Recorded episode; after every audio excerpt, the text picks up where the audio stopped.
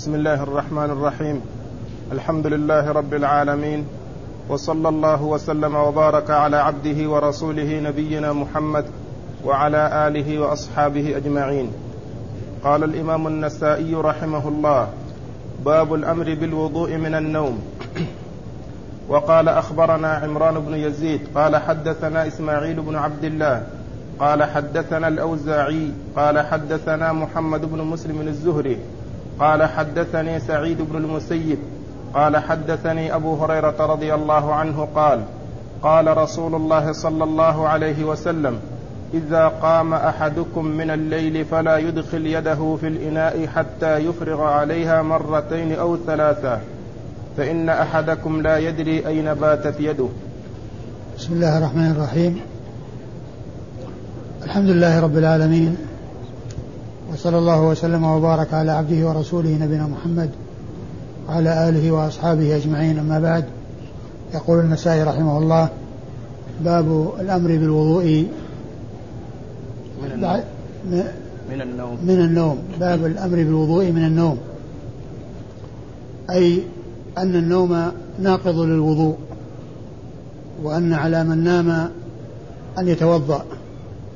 والمراد بالنوم النوم الذي فيه تمكن كأن يكون مضطجعا أو يكون أو يكون آه، آه، جالسا وهو متمكن بحيث أنه يمكن أن ينام وأن يغط وهو وهو جالس فإن هذا ناقض للوضوء.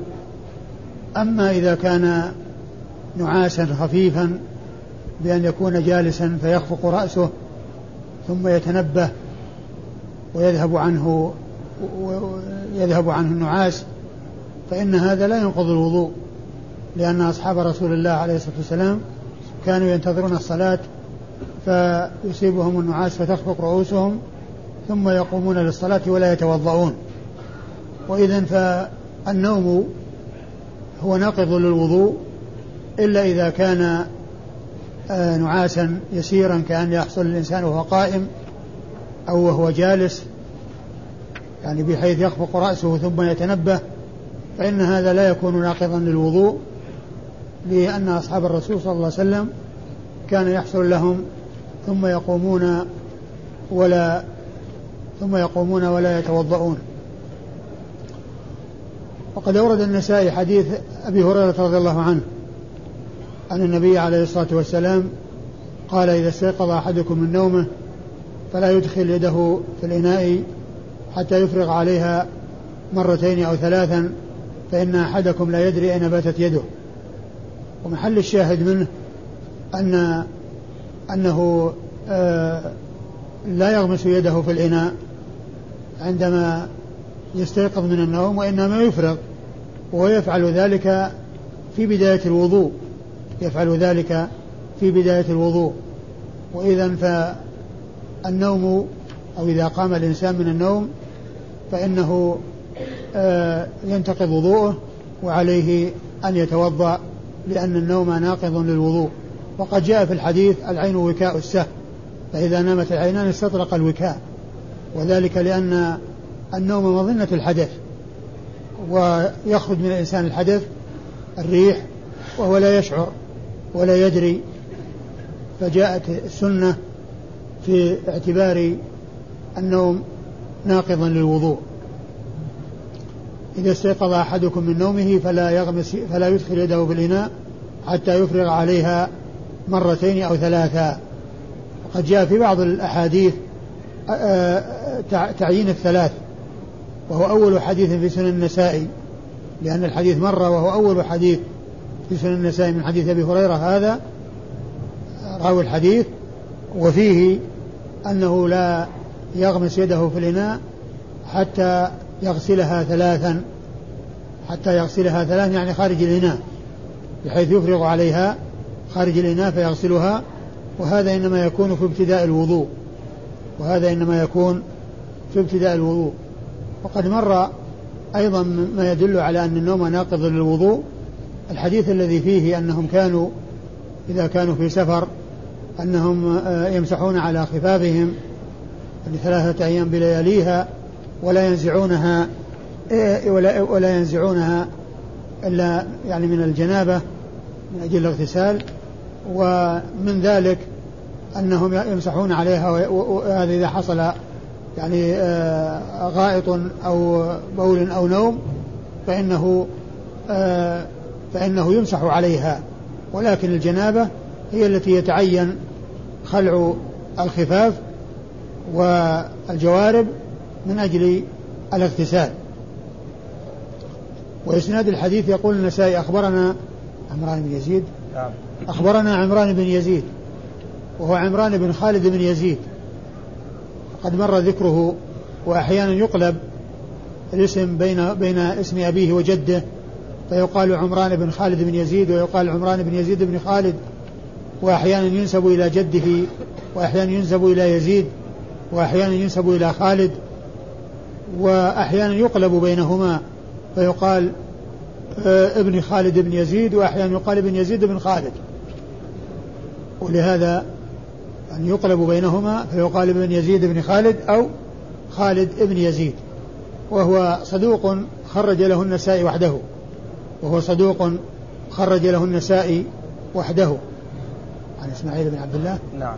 عن إسماعيل بن عبد الله بن سماعة. إسماعيل بن عبد الله بن سماعة. وهو ثقة خرج له أبو داود والترمذي والنسائي. خرج له أبو داود والترمذي والنسائي. أي ثلاثة من أصحاب من من أصحاب من أصحاب الكتب الستة. آه، أو ثلاثة من أصحاب السنة الأربعة أي أن النسائي أن الأربعة إلا ابن ماجه؟ خرج له أبو داود والترمذي والنسائي ولم يخرج له ابن ماجه ولا الشيخان البخاري ومسلم. حدثنا الأوزاعي. حدثنا الأوزاعي والأوزاعي هو أبو عمرو عبد الرحمن بن عمرو الأوزاعي الفقيه المحدث الإمام فقيه أهل فقيه أهل الشام ومحدث الشام وهو المشهور بالفقه والحديث وهو ثقة خرج حديثه أصحاب الكتب الستة وكنيته توافق اسم أبيه فهو عبد الرحمن بن عمر وكنيته أبو عمر وقد ذكرت مرارا أن من أنواع علوم الحديث معرفة من وافقت كنيته اسم أبيه وفائدة معرفة هذا النوع من أنواع علوم الحديث دفع توهم التصحيف بحيث لو عرف لو آه، عرفه أحد بنسبه ثم جاء ليس منسوبا ولكنه مكنى. فيقال عبد الرحمن آه، عبد الرحمن بن أبو عمرو أو عبد الرحمن بن عمرو كل ذلك صحيح لأنه عبد الرحمن بن عمرو وعبد الرحمن أبو عمرو. والذي لا يعرف هذا النوع من أنواع علوم الحديث يظن أنه لو جاء عبد الرحمن أبو عمرو يظن أن أبو مصحف عن ابن ولا تصحيف فيه لو جاء كذلك لأن أبو عمرو كنيته وابن سعيد وابن عمرو نسبه فلا فلا تصحيف ولا خطأ بل الكل صواب. إذا قيل عبد الرحمن بن عمر أو قيل عبد الرحمن أبو عمر. وهو ثقة خرج حديثه أصحاب الكتب الستة. أيوه. قال حدثنا محمد بن مسلم الزهري. قال حدثنا محمد بن مسلم الزهري. محمد بن مسلم ابن عبيد الله بن عبد الله ابن شهاب ابن عبد الله بن الحارث ابن زهرة بن كلاب. يلتقي نسبه مع نسب الرسول صلى الله عليه وسلم بجده كلاب. وزهرة أخو قصي قصي بن كلاب الذي آه الذي هو في نسب الرسول صلى الله عليه وسلم قصي بن كلاب. وأما الزهري فهو من زهرة بن كلاب يلتقي مع النبي صلى الله عليه وسلم في جده كلاب. ومحمد بن مسلم هذا آه ثقة فقيه محدث آه مكثر من رواية الحديث عن رسول الله من رواية حديث رسول الله صلى الله عليه وسلم وهو الذي كلفه الخليفة عمر بن عبد العزيز بتدوين السنة وجمع سنة الرسول عليه الصلاة والسلام. وهو الذي قال فيه السيوطي في ألفيته أول جامع الحديث والأثر ابن شهاب آمر له عمر. أول جامع الحديث والأثر ابن شهاب آمر له عمر. وكثيرا ما يأتي ذكره بنسبته إلى جده زهرة فيقال الزهري أو إلى جده شهاب فيقال ابن شهاب وأحيانا يذكر اسمه واسم أبيه ونسبته كما هنا حيث قال محمد بن مسلم الزهري. محمد بن مسلم الزهري. وحديثه عند أصحاب الكتب الستة. قال حدثني سعيد بن المسيب. قال حدثني سعيد بن المسيب. سعيد بن المسيب هو محدث فقيه وهو ثقة من ثقات التابعين وهو أحد الفقهاء السبعة في المدينة المشهورين في عصر التابعين. سعيد المسيب أحد هؤلاء الفقهاء السبعة في المدينة. وهم ستة متفق عليهم والسابع اختلف فيه. على ثلاثة أقوال. فالستة المتفق عليهم هم عبيد الله بن عر... عبيد الله بن عبد الله بن ابن عتبة بن مسعود و آه، عروة بن الزبير بن العوام القاسم بن محمد بن أبي بكر الصديق وسعيد بن المسيب هذا و آه، وخارجة آه، وخارجة بن زيد بن ثابت وسليمان بن يسار الهلالي هؤلاء الستة متفق على عدهم في الفقهاء السبعة. أما السابع ففيه ثلاثة أقوال. قيل إنه أبو بكر بن عبد الرحمن بن الحارث بن هشام. وقيل إنه أبو سلمة بن عبد الرحمن بن عوف. وقيل إنه سالم بن عبد الله بن عمر بن الخطاب. على أقوال ثلاثة في السابع من الفقهاء السبعة. قد جمعهم الشاعر في بيت مهد له ببيت وهو قوله إذا قيل من في العلم سبعة أبحر روايتهم ليست عن العلم خارجة فقل هم عبيد الله عروة قاسم سعيد أبو بكر سليمان خارجة. على اعتبار أن السابع أبو بكر بن عبد الرحمن بن الحارث بن هشام. وقد ذكر هذين البيتين ابن القيم في أوائل كتابه إعلام موقعين عندما ذكر فقهاء الأمصار من الصحابة والتابعين ومن بعدهم وعندما جاء ذكر المدينة وذكر من فيها من الفقهاء في عصر التابعين ذكر الفقهاء السبعة الذين هم هؤلاء وذكر هذين هذين البيتين المشتملين على بيان أسمائهم. فقل هم عبيد الله عروة قاسم سعيد أبو بكر سليمان خارجة. وسعيد المسيب خرج حديثه أصحاب الكتب الستة. عن أبي هريرة رضي الله تعالى عنه أبو هريرة صاحب رسول الله عليه الصلاة والسلام وهو أكثر الصحابة حديثا على الإطلاق و آه، السبعة وهو أكثر وهو أكثر السبعة المكثرين من حديث الرسول صلى الله عليه وسلم أكثرهم حديثا. هو أكثر آه، هؤلاء السبعة الذين عرفوا بكثرة الحديث عن رسول الله عليه الصلاة والسلام من الصحابة والذين زادت أحاديثهم على ألف حديث والذين قال فيهم السيوطي في ألفيته والمكثرون في رواية الأثر أبو هريرة يليه بن عمر وأنس والبحر كالخدري وجابر وزوجة النبي هي عائشة رضي الله عنها فأبو هريرة هو أولهم وهو أكثرهم وأكثرهم حديثا على الإطلاق رضي الله عنه وأرضاه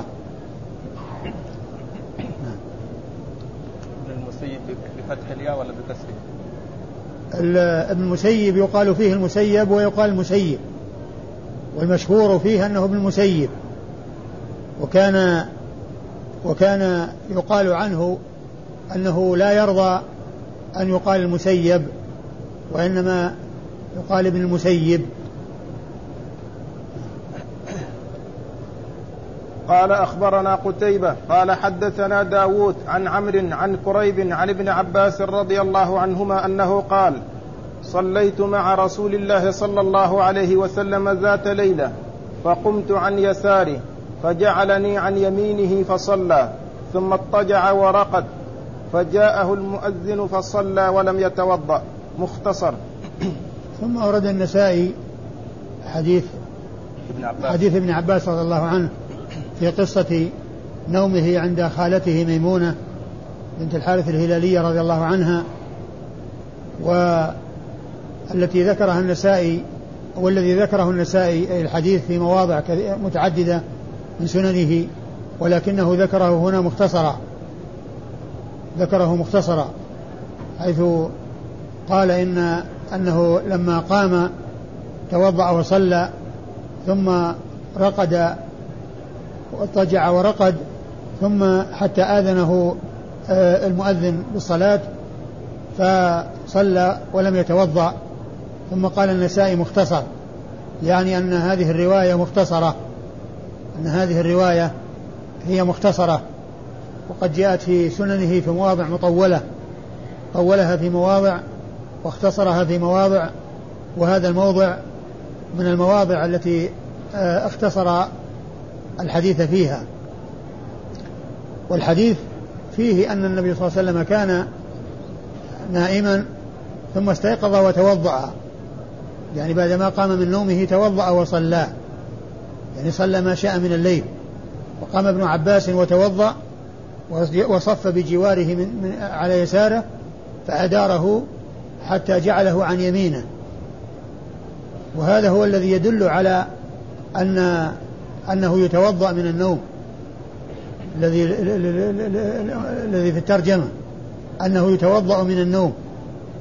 ولم يذكر النسائي هنا يعني هذا يعني آه هذا الذي ذكره في موضع آخر ولكنه ذكر آخره الذي فيه يشعر بأنه لا يتوضأ من النوم حيث قال إنه اضطجع ورقد ثم قام وصلى ولم يتوضأ. وقد قيل في معنى هذا الحديث أو هذه الجملة إنه نام نوما خفيفا له النعاس وعلى هذا فالنعاس اليسير الذي لا يعني يستغرق مع الإنسان والذي لا يخشى أن يحصل معه خروج الريح فإنه لا يكون ناقضا. وقيل إن أنه يحتمل أن يكون يعني نام نوما ثقيلا ولكن الرسول عليه الصلاة والسلام كما جاء في بعض الأحاديث تنام عينه ولا ينام قلبه. ومعنى هذا أنه لا يحصل له ما يحصل لغيره من آه، انتقاض الوضوء وحصول انتقاض الوضوء بالنوم آه، آه، الثقيل. فهو يحتمل أن يكون النوم يسيرا الذي هو النعاس وعلى هذا فلا إشكال. وأما إذا كان نوما ثقيلا فيكون فيعتبر هذا من خصائصه حيث كان عليه الصلاة والسلام آه، تنام عيناه ولا ينام قلبه كما جاء ذلك في بعض الروايات. أما إسناد الحديث يقول النسائي أخبرنا قتيبة. أخبرنا قتيبة وهو قتيبة بن سعيد بن جميل بن طريف البغلاني وهو ثقة خرج حديثه أصحاب الكتب الستة. عن قال حدثنا داود قال حدثنا داود وهو داود بن عبد الرحمن العطار وهو ثقة خرج حديثه الجماعة. خرج حديثه أصحاب الكتب الستة أيضا. عن عمرو. يروي عن عمرو وهو بن دينار المكي وهو ثقة ثبت خرج حديثه أصحاب الكتب الستة أيضا. عن كريب عن كريب بن أبي مسلم مولى عبد الله بن عباس رضي الله تعالى عنهما وهو ثقة خرج حديثه أصحاب الكتب الستة. يروي عن عبد الله بن عباس صاحب رسول الله صلى الله عليه وسلم وابن عمه وأحد الصحابة المكثرين من رواية الحديث عن رسول الله صلى الله عليه وسلم وحديثه عند أصحاب الكتب الستة. وهذا الإسناد جميع جميع رواته خرج لهم أصحاب الكتب الستة. قتيبة بن سعيد يروي عن آه داود. عن داود بن عبد الرحمن العطار وداود بن عبد الرحمن العطار يروي عن آه عمرو. عن عمرو بن دينار المكي ويروي عن كريب وكريب يروي عن ابن عباس فهؤلاء خمسة كلهم ممن خرج حديثهم أصحاب الكتب الستة قتيبة وداود و عمرو بن دينار. عمرو بن دينار وكريب وابن عباس. وفي الحديث رواية تابعي عن تابعي لأن عمرو بن دينار تابعي وكريب تابعي. وكريب هذا اسمه من من الأسماء المفردة التي ليس يعني لم تتكرر ولم يسمى في كريب في رجال أصحاب الكتب الستة سوى هذا الرجل. ليس في رجال الكتب الستة من يسمى كريب إلا هذا الرجل فهو اسم متكرر غير متكرر. ولهذا يسمونه من الأسماء المفردة التي لم يحصل التعدد فيها وإنما المعروف بها شخص واحد. فجميع رجال الكتب الستة ليس فيهم من يسمى كريب إلا مولى بن عباس هذا ومثله قتيبة ولا ومثله قتيبة اسمه قتيبة؟ آه. قتيبة ما أدري يعني ما أتذكر الآن هل هو هل هو من الألفاظ المفردة أو لا. قال أخبرنا يعقوب. قال أخبرنا يعقوب بن إبراهيم. قال حدثنا محمد بن عبد الرحمن الطفاوي. قال حدثنا أيوب عن أبي قلابة عن أنس رضي الله عنه أن رسول الله صلى الله عليه وسلم قال إذا نعس أحدكم في صلاته فلينصرف وليرقد. ثم ورد النسائي حديث أنس. أنس بن مالك رضي الله عنه أن النبي صلى الله عليه وسلم قال إذا نعس أحدكم في صلاته فلي فل فلينصرف. فلينصرف وليرقد. فلينصرف وليرقد. يعني ال ال ال المقصود من هذا الحديث هو أن الإنسان يصلي وهو مقبل على صلاته. ليس آآ آه، آآ آه، ليس عنده ما يصرفه عنها من نوم أو غيره وإنما عليه أن يكون مقبلا عنها عليها. فإذا كان النوم يغلبه ولم يتمكن من الإتيان بها كما شرع الله فإن عليه أن آه، يرقد وبعد ذلك يصلي. وهذا غالبا إنما هو في صلاة الليل لأنها هي التي فيها طول وهي التي يحتاج فيها إلى النوم. والتي هي محل النوم التي هو الليل. فهذا هو الأصل فيها. لكن إذا وجد أو حصل أن الإنسان يعني صلاته لا يتقنها ولو كان يعني الفريضة لا يتقنها لكون النوم غلبه فإن عليه أن ينام. النوم الذي آآ آه، آآ آه، يزيل عنه آآ آه، ذلك الانشغال عن صلاته بحيث يقبل على صلاته وهو وهو آه، متقن لها وهو غير غافل عنها أو غير منشغل عنها بنوم أو غيره. ولكن الغالب عليه أن يكون في نوم الليل لأن النوم لأن صلاة الليل هي في محل النوم وطولها يعني يحصل معه النوم بخلاف الصلاة الفريضة التي هي وقتها يسير وعددها ركعاتها محدودة. فإن فإن الغالب أن غلبة النوم أو كون الإنسان ينشغل فيها بنوم ليس كصلاة الليل ولكن لو وجد أن الإنسان لا يتمكن من الإحاطة بصلاته فإنه لا يصلي وهو والنوم يغلبه لأنه من شرط الصلاة ومن ما هو لازم في الصلاة أن يكون الإنسان عنده تمكن من من الانتباه لصلاته وعدم آه، وجود ما يشغله عنها. ولهذا جاء في بعض الأحاديث المنع من الصلاة في أحوال يعني كونه يدافع الأخبثان كونه يدافع الأخبثان لا يصلي وهو يدافع الأخبثان يعني لوجود ما يشغله وإنما يقضي حاجته ثم يأتي إلى الصلاة حتى يكون آه، متقنا لها ما يكون عنده ما يشغل عنها. وأما إسناد الحديث فيقول النسائي أخبرنا يعقوب بن إبراهيم. أخبرنا يعقوب بن إبراهيم وهو الدورقي. يعقوب بن إبراهيم الدورقي وهو ثقة خرج حديثه أصحاب الكتب الستة بل هو شيخ لأصحاب الكتب الستة. هو شيخ لهم رووا عنه مباشرة وهو من صغار شيوخ البخاري.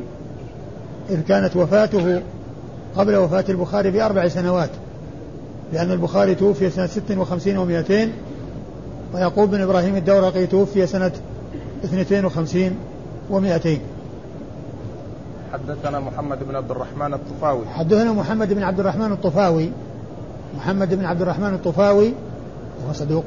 نعم صدوق وهو صدوق صدوق يهم خرج له البخاري وأبو داود والترمذي والنسائي. يعني ما خرج له مسلم ولا ابن ماجه. ما خرج له الإمام مسلم ولا خرج له الإمام ابن ماجه وإنما خرج له البخاري وأبو داود والترمذي والنسائي. حدثنا أيوب.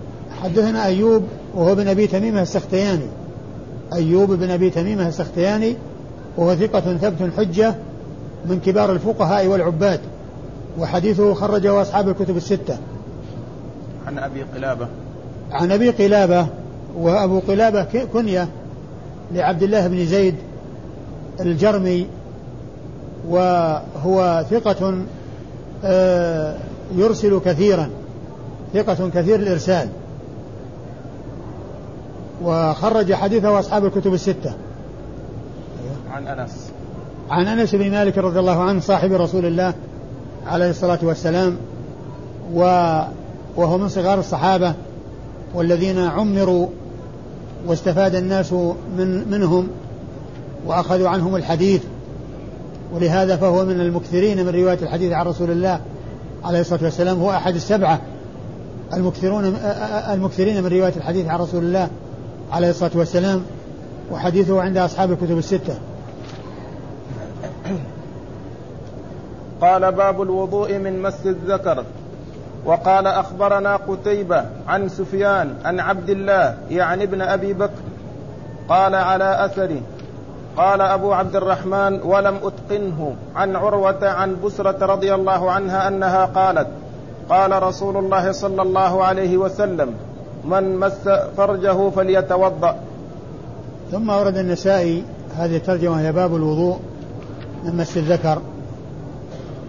المقصود من هذه الترجمة أن مس الذكر ناقض للوضوء إذا كان من غير حائل وأما إذا كان من وراء حائل فإنه لا يكون ناقضا للوضوء وإنما يكون إذا إذا لمسه من غير حائل فإنه آه، ينتقض ينتقض وضوءه بذلك. وقد أورد النسائي عدة آه، أحاديث في ذلك. أولها حديث بسرة حديث بسرة آه، أورد النسائي حديث بسرى بن صفوان من, من, من عدة روايات. آه الرواية الأولى آه إيش لفظها؟ من مس فرجه فليتوضأ. من مس فرجه فليتوضأ. من مس فرجه فليتوضأ. وهذا أمر بالوضوء لمن مس فرجه. وهو دال على انتقاض الوضوء بمس بمس الفرج. و قد جاء في بعض الأحاديث عن طلق بن علي أنه سأل رسول الله عليه الصلاة والسلام عن الوضوء من الذكر قال وهل هو إلا بضعة منك أو إلا مضغة منك؟ وهذا يشعر بأنه غير ناقض. والعلماء اختلفوا بناء على وجود هذه الأحاديث ولكن والحديث ولكن حديث بسرة قالوا إنه أصح. ثم أيضا الأخذ به أحوط. وقالوا أيضا أن حديث طلق بن علي كان في أول الأمر وأما حديث بسرى بن صفوان فكان بعد ذلك. قالوا وهذا يوضح أن القول بأن مس الذكر ناقض الوضوء هو الأولى. وفيه أيضا الاحتياط كما أشرت. أما إسناد الحديث يقول النسائي أخبرنا قتيبة. أخبرنا قتيبة وقد مر ذكره. عن سفيان. عن سفيان وهو بن عيينة. سفيان بن عيينة وهو ثقة حجة خرج حديثه أصحاب الكتب الستة. عن عبد الله يعني ابن أبي بكر. عن عبد الله يعني ابن أبي بكر. ابن محمد بن عمرو بن حزم. المدني وهو ثقة خرج حديثه أصحاب الكتب الستة. قوله هنا عبد الله يعني ابن أبي بكر يعني أن سفيان قال عبد الله. ولم يقل ولم ينسبه فالذي دون سفيان نسبه فقال يعني ابن أبي بكر. ولم يقل عبد الله بن أبي بكر لأنه لو لو قيل عبد الله بن أبي بكر لفهم أن هذا كلام سفيان مع أن سفيان إنما قال عبد الله فقط ولم يزد على ذلك. لكن من دون سفيان الذي هو قتيبة أو النسائي أو من دون النسائي هو الذي أتى بيعني أبا بكر. وإذا فكلمة يعني قائلها من دون سفيان. وفاعلها الضمير المستتر فيه يعني يرجع إلى سفيان. فكلمة يعني لها قائل وفيها ضمير مستتر هو الفاعل فالقائل هو من دون سفيان والفاعل ضمير مستتر يرجع إلى سفيان. قوله يعني يعني سفيان.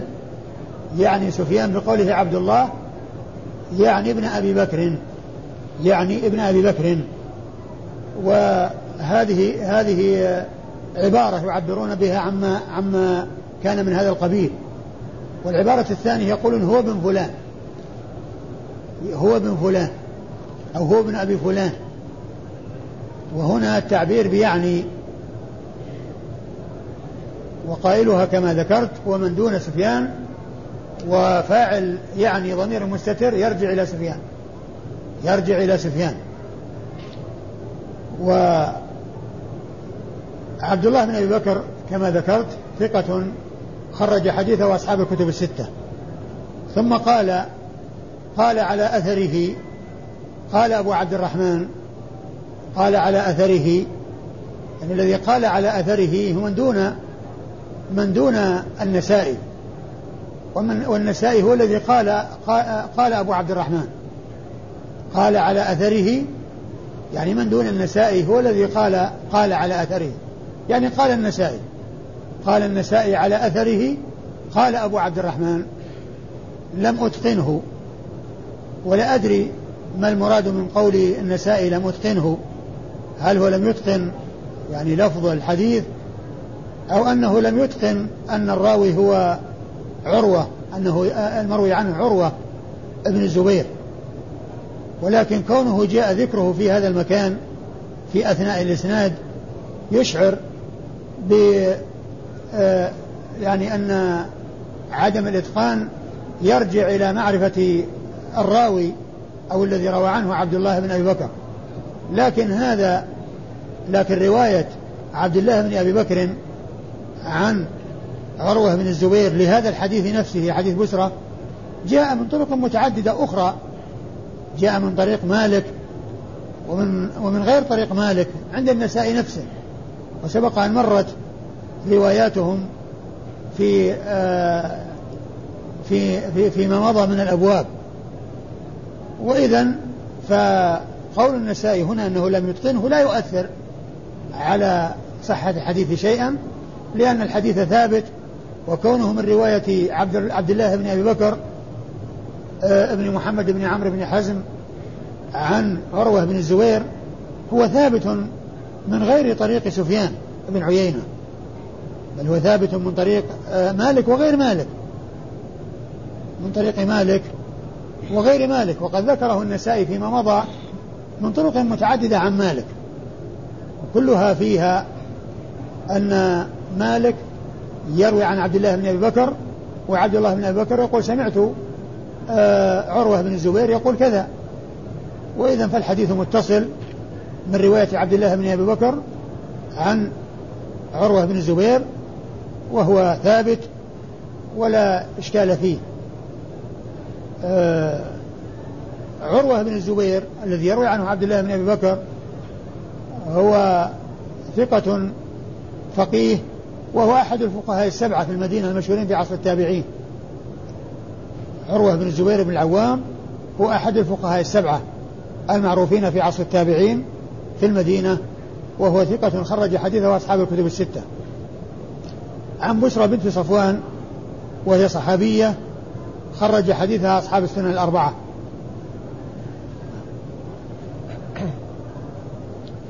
قال أخبرنا عمران بن موسى قال حدثنا محمد بن السواء عن شعبة عن معمر عن الزهري عن عروة بن الزبير عن بسرة بنت صفوان رضي الله عنها أن النبي صلى الله عليه وسلم قال إذا أفضى أحدكم بيده إلى فرجه فليتوضأ. ثم ورد النسائي حديث بسرة من طريق أخرى وفيه إذا أفضى أحدكم إلى ذكره فليتوضأ إلى فرجه. إلى فرجه. فليتوضأ وهو بمعنى ما تقدم من الأحاديث عن بسرة في الوضوء من مس الذكر. أه وإسناد الحديث يقول النسائي أخبرنا؟ عمران بن موسى. أخبرنا عمران بن موسى وهو الفزاري. عمران بن موسى الفزاري البصري وهو صدوق. نعم. خرج له الترمذي والنسائي وابن ماجه. وهو صدوق خرج له آه الترمذي والنسائي وابن ماجه.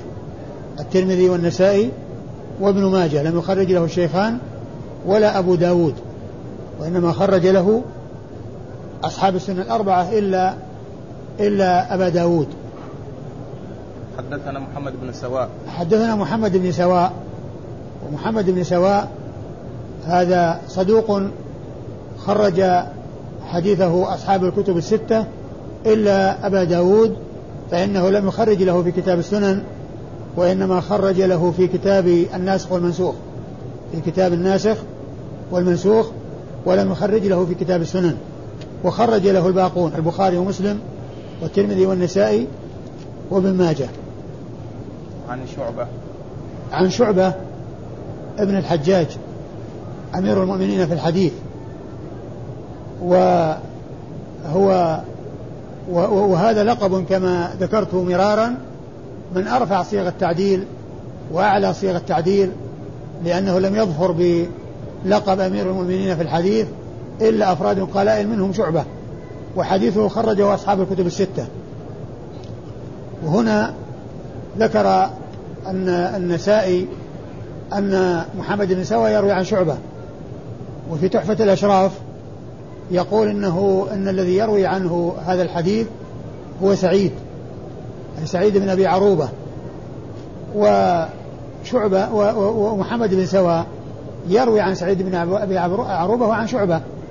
يروي عن سعيد بن أبي عروبة وعن شعبة ولكن روايته عن سعيد بن أبي عروبة أكثر لأنه مكثر من الرواية عنه لأنه مكثر من الرواية عنه. فهنا في الإسناد ذكر شعبة وفي تحفة الأشراف ذكر سعيد يعني بن أبي عروبة يعني الذي يروى عنه محمد بن سواء وهو محتمل هذا وهذا ولا إشكال فيه سواء كان هذا وهذا لأنهم كلهم ثقات فسواء كان الحديث عن هذا أو هذا وهو يروي عن هذا وهذا ويحتمل أن يكون يعني آه، أحدهما تصحيف يحتمل يكون روى عن يعني آه، أن يكون شعبة وأن تكون مصحف عن سعيد ويحتمل أن تكون سعيد وأن مصحف عنها شعبة. في تحفة الأشراف سعيد وفي آه، النسخ المطبوعة شعبة. وشعبة وسعيد كل منهما شيخ لمحمد بن سواه لكن لا يؤثر على الحديث شيئا لأنه سواء كان هذا وهذا لأنهما ثقتان. ولكن كما هو معلوم شعبة آه يعني آه وصف بهذا الوصف فهو يعني أثبت ويعني آه, آه، أرجح من آه، من سعيد بن أبي عروبة. لكن من حيث الثبوت سواء كان هذا أو هذا الحديث ثابت. عن معمر. عن معمر بن راشد الأزدي. وهو ثقة خرج حديثه أصحاب الكتب الستة. عن الزهري. عن الزهري وقد تقدم ذكره قريبا. عن عروة بن الزبير. عن عروة بن الزبير وقد مر. عن بسرة عن بسرة نعم. قال أخبرنا قتيبة قال حدثنا الليث عن ابن شهاب عن عروة بن الزبير عن مروان بن الحكم أنه قال الوضوء من مس الذكر. فقال مروان أخبرت أخبرتنيه بسرة بسرة بنت بنت صفوان. فقال مروان أخبرتنيه بسرة بنت صفوان. فأرسل عروة قالت ذكر رسول الله صلى الله عليه وسلم ما يتوضأ منه. فقال من مس الذكر. ثم أورد النسائي حديث بسرة بنت صفوان وهو بمعنى ما تقدم وهو أنها قالت أن الرسول صلى الله عليه وسلم ذكر ما يتوضأ منه. ومن ذلك أنه آه أنه توضأ من مس الذكر. يتوضأ من مس الذكر فهو آه فهي طريق للأحاديث أو طريق للحديث لحديث بسرة الذي جاء من طرق متعددة وقد مر جملة منها. وهذا الحديث من طريق مروان بن الحكم. ومروان بن الحكم له رؤية وخرج له البخاري وأصحاب السنة الأربعة. وإسناد الحديث أخبرنا قتيبة؟ أخبرنا قتيبة وقد مر ذكره. حدثنا الليث. حدثنا الليث بن سعد المصري وهو ثقة فقيه محدث خرج حديثه أصحاب الكتب الستة. عن ابن شهاب. عن ابن شهاب وقد مر عن عروة بن الزبير. عن عروة بن الزبير كذلك. عن مروان بن الحكم الخليفة وحديثه خرجه البخاري وأصحاب السنة الأربعة. قال أخبرنا إسحاق بن منصور قال حدثنا يحيى يحيى بن سعيد عن هشام بن عروة قال أخبرني أبي عن بسرة بنت صفوان رضي الله عنها أنها قالت إن النبي صلى الله عليه وسلم قال من مس ذكره فلا يصلي حتى يتوضأ. قال أبو عبد الرحمن هشام بن عروة لم يسمع من أبيه هذا الحديث والله سبحانه وتعالى أعلم. ثم أورد النسائي حديث بسرى أيضا من طريق أخرى وهو بمعنى ما تقدم. آه، من مس ذكره؟ لفظ؟ قال نعم. من مس الحديث الأخير من مس ذكره فلا يصلي حتى يتوضأ. من مس ذكره فلا يصلي حتى يتوضأ. هو بمعنى ما تقدم من الأحاديث. وإسناد الحديث يقول النسائي أخبرنا إسحاق بن منصور. أخبرنا إسحاق بن منصور. وهو ابن ابن ابن بهرام الكوسج المعروف بالكوسج. وهو ثقة خرج له أصحاب الكتب الستة إلا إلا الترمذي أو إلا, إلا أبا داود. إلا أبا داود. خرج له أصحاب الكتب الستة إلا أبا داود. و, و... وإسحاق بن منصور هذا يعني آآ آآ سبق أن مر بنا إسحاق بن منصور وهو آخر. الذي يروي عنه النسائي بواسطة. يعني لم يدركه. إسحاق بن منصور السلولي. هذا سبق أن مر بنا وهو يروي عنه النسائي بواسطة. هو من طبقة شيوخ شيوخ النسائي. وأما إسحاق بن منصور الكوسج فهذا هو الذي من طبقة شيوخ النسائي وهو الذي روى عنه النسائي. إسحاق بن منصور الكوسج. خرج حديثه أصحاب الكتب الستة إلا أبا داود وهو من شيوخ النسائي. وإسحاق بن منصور السلولي آه هو من طبقة شيوخ شيوخ النسائي يروي عنه بواسطة.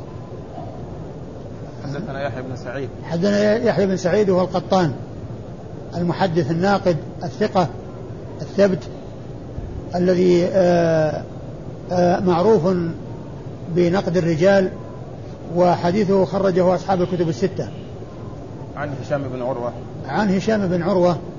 هشام بن عروة بن الزبير وهو هشام ثقة خرج حديثه أصحاب الكتب الستة.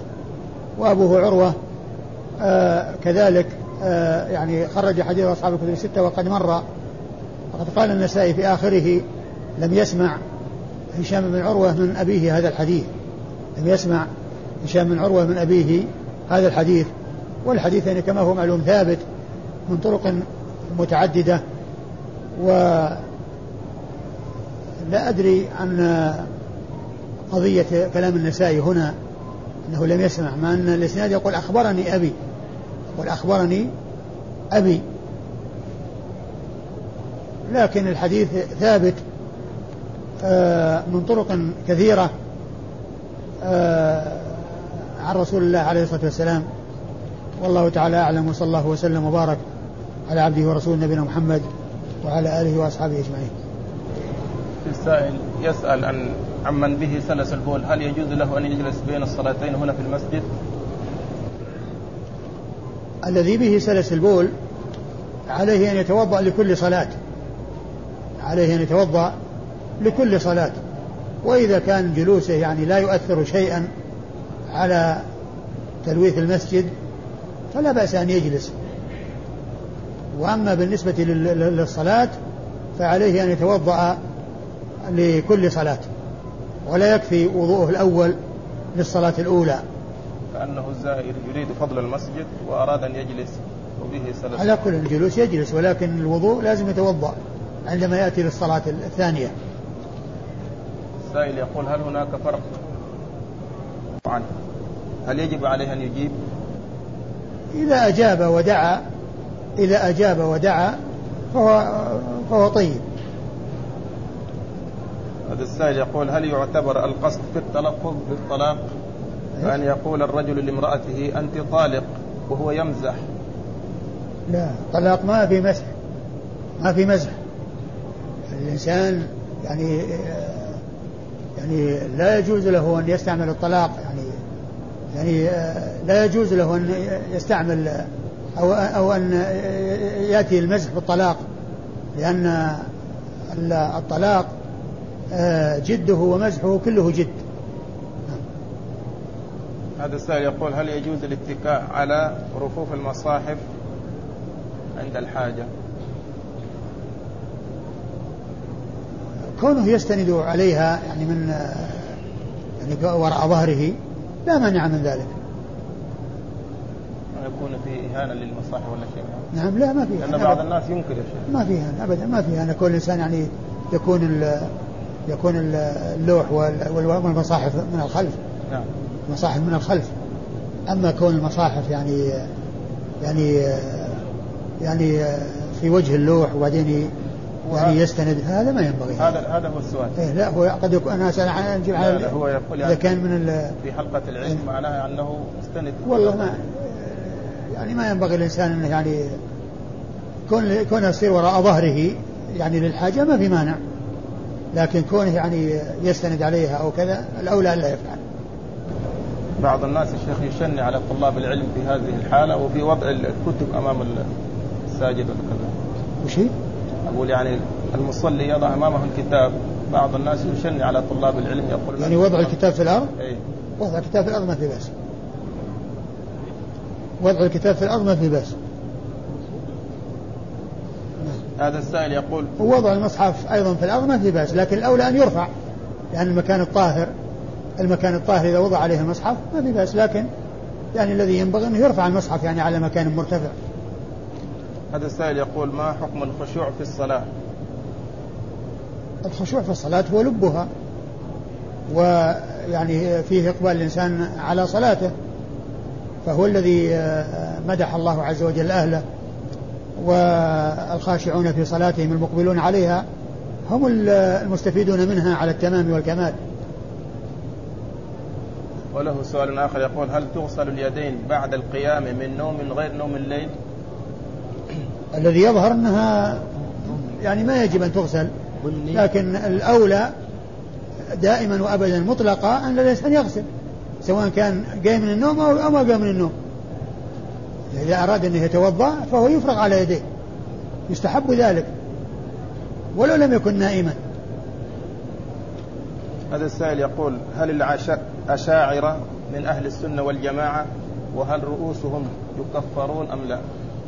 الأشاعرة كما هو معلوم عندهم حق وباطل وعندهم صواب وخطأ فهم فيما وافقوا عليه أهل السنة والجماعة يعتبرون من أهل السنة وفيما خالفوا فيه أهل السنة والجماعة مخالفون لأهل السنة. لكن عند الإطلاق يعني هل الأشاعرة من أهل السنة الذين هم على ما كان عليه الرسول صلى الله عليه وسلم وأصحابه؟ ليسوا كذلك لأن عقيدة الأشاعرة ما ولدت إلا بعد عصر الصحابة. في عصر الصحابة ما كانت موجودة كانت في عالم الأموات ولكنها ولدت بعد ذلك. الصحابة رضي الله عنهم ما كانوا يعرفونها. ولا يعني آه، وإنما هي عقيدة ولدت فيما بعد. فإذا قيل المراد بأهل السنة والجماعة أنهم من كان عليه ما عليه الرسول صلى الله عليه وسلم وأصحابه ليسوا كذلك لأنهم مخالفون في يعني آه، في مسائل عديدة يعني لما كان عليه الرسول صلى الله عليه وسلم وأصحابه لكنهم موافقون في بعض المسائل وفي بعض الأمور. يعني فإذا أريد بأهل السنة والجماعة من كان على ما عليه الرسول صلى الله عليه وسلم وأصحابه فهم ليسوا كذلك ولكنهم عندهم شيء من ذلك. ويضيف ويقول هل يجوز لنا أن نأخذ العلم منهم أم لا؟ الأولى للإنسان أن يأخذ العلم ممن عنده السلامة. لكن إذا احتاج الإنسان إلى إذا كان عنده علم واحتاج إلى أن يأخذ منه مع أمنه من المحذور فيما يتعلق بالعقيدة لا بأس بذلك. وإذا وجد من يكون سليما فهو أولى. هذا السائل يقول يقال إن زيارة المدينة لا بد من صلاة أربعين فرض وهل هذا جائز؟ جاء في حديث ضعيف. جاء في حديث ضعيف غير ثابت. ولكن الذي ثبت هو أن الصلاة بألف صلاة سواء كانت فرض أو نفل. والإنسان إذا كلما زاد صلاة فهي خير له وهي بألف لكنه ليس مقيد بأربعين ولا بأقل ولا بأكثر. ليس مقيد لا بأربعين ولا بأقل ولا بأكثر لأن حديث الأربعين غير ثابت. ما هو توجيهكم لمن يعتقد هذا ويفعل؟ حتى لو لو ترك فريضة واحدة يعيد من جديد. المحافظة على صلاة الجماعة مطلوبة لا سيما في هذا المسجد. وأما اعتقاد بأن أنه يسن أن يعني يصلي أربعين صلاة في هذا المسجد بناء على هذا الحديث فهذا غير صحيح لأن الحديث غير ثابت وما يبنى عليه ويقال إنه مشروع لهذا الحديث هو غير ثابت. أما بالنسبة للصلوات فإن الصلوات صلاة الجماعة في هذا المسجد لا شك أن أجرها عظيم والمضاعفة حاصلة في كل صلاة سواء كانت فريضة أو أو نافلة. هذا السائل يقول ما معنى قول بعض العلماء أن الحكم في المسألة ضمني وليس حقيقي؟ وليس حقيقي؟ حسب ما فهمت الضمني يعني هو هو الذي يعني آه، يأتي ضمنا يعني آه، أنه شيء شيء عام وهو يدخل ضمنا مثل ما يقال أن توحيد الربوبية متضمن لتوحيد توحيد الألوهية متضمن لتوحيد الربوبية. يعني معناه أن من أقر بالألوهية فهو مقر بالربوبية. يعني من من من حصل منه الإقرار بالألوهية فهو مقر بالربوبية. لأن توحيد الربوبية موجود ضمنا. موجود ضمن إقراره بتوحيد الألوهية. فالضمني هو الذي يدخل مع غيره. هذا السائل ما أدري أنت أجبت على هذا لكن يسأل يقول قوله يعني ابن أبي بكر قال على أثره أين يعود ضمير على أثره؟ ومن القائل؟ قال على أثره. على أثره يرجع إلى أقرب مذكور وهو عبد الله ابن أبي بكر. وقال على أثره من دون النسائي. وقال أبو عبد الرحمن هو النسائي. الذي قال أبو عبد الرحمن هو النسائي. هو نفسه. أو من دونه لكن قوله لم أتقنه هي كلمة النسائي. كلمة النسائي هي لم أتقنه. ويمكن أن تكون أبو عبد الرحمن هو الذي قالها عن نفسه أو أن الذي من دونه قال على أثره قال أبو عبد الرحمن لم أتقنه. كلمة لم أتقنه هي كلام النسائي. والذي قالها اللي هو قال أبو عبد الرحمن يمكن أن يكون نسائي ويمكن أن يكون أن يكون الذي قاله هو الذي قال على أثره. الذي قال قال على أثره. وهو من دون النسائي. هذا السائل يقول إذا غلب على الإنسان النوم فهل يجوز له ترك الجماعة بحيث ينصرف ويصلي في البيت؟ إذا إيش؟ إذا غلب على الإنسان النوم فهل يجوز له ترك الجماعة؟ الإنسان عليه أن أن أن, أن يجعل النوم في وقت لا يتعارض مع وقت الصلاة بحيث يأخذ نصيبه من النوم قبل أن يأتي وقت الصلاة. ما هو يضيع وقته في يعني الوقت اللي هو يحتاج فيه إلى النوم ثم إذا جاء وقت الصلاة عند ذلك جاءه النوم وتأخر عن الصلاة. يعني هو ينظم نفسه على أساس أنه ما يعني ما يكون نصيب النوم هو في وقت الصلاة أو قريب وقت الصلاة وإنما يكون في وقت آخر. يعني مثل الإنسان الذي آه، يسهر الليل وإذا قرب صلاة الفجر نام وجاه النوم. ينام من أول الليل. لأنه إذا نام أول الليل يتمكن من أن يقوم آخر الليل.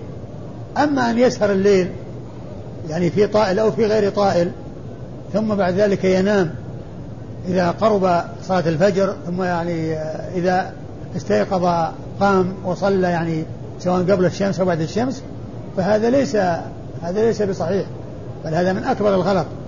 وإنما الإنسان يعني يرتب نفسه على أساس أن النوم يكون له يكون لا يعني آه، يتعارض مع وقت الصلاة. لا يتفق مع وقت الصلاة بل يكون يعني آه، ينتهي من النوم ثم يعني يقوم للصلاة وهو مقبل عليها. منتبه لها.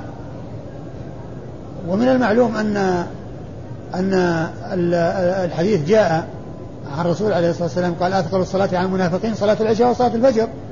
ولو يعلمون ما فيهما من أجل لأتوهم من الأجل لأتوهما ولو حبوا. المقصود من ذلك أن هاتين الصلاتين أثقل من غيرهما وإن كانت الصلاة كلها ثقيلة عليهم. لكن هاتان الصلاة لكن لكن هاتين الصلاتين أثقل من غيرهما لأن صلاة العشاء تكون في أول الليل الذي يعني الإنسان يكون بحاجة إلى النوم فقد ينام قبلها ثم يعني يغفل عنها. وتلك اللي هي صلاة الفجر تكون في آخر الليل في الوقت الذي يكون فيه الاستغراق في النوم والتلذذ في النوم. ولهذا قال عليه الصلاة والسلام أثقل الصلوات على المنافقين صلاة العشاء وصلاة الفجر ولو يعلمون ما فيهما من أجر لأتوهما ولو حبوا. وله سؤال آخر. ولهذا جاء في أذان الصبح الصلاة خير من النوم. يعني هذا النوم الذي أنتم تتلذذون به وتجدون الراحة والطمأنينة ما تدعون إليه خير مما أنتم متلذذون فيه.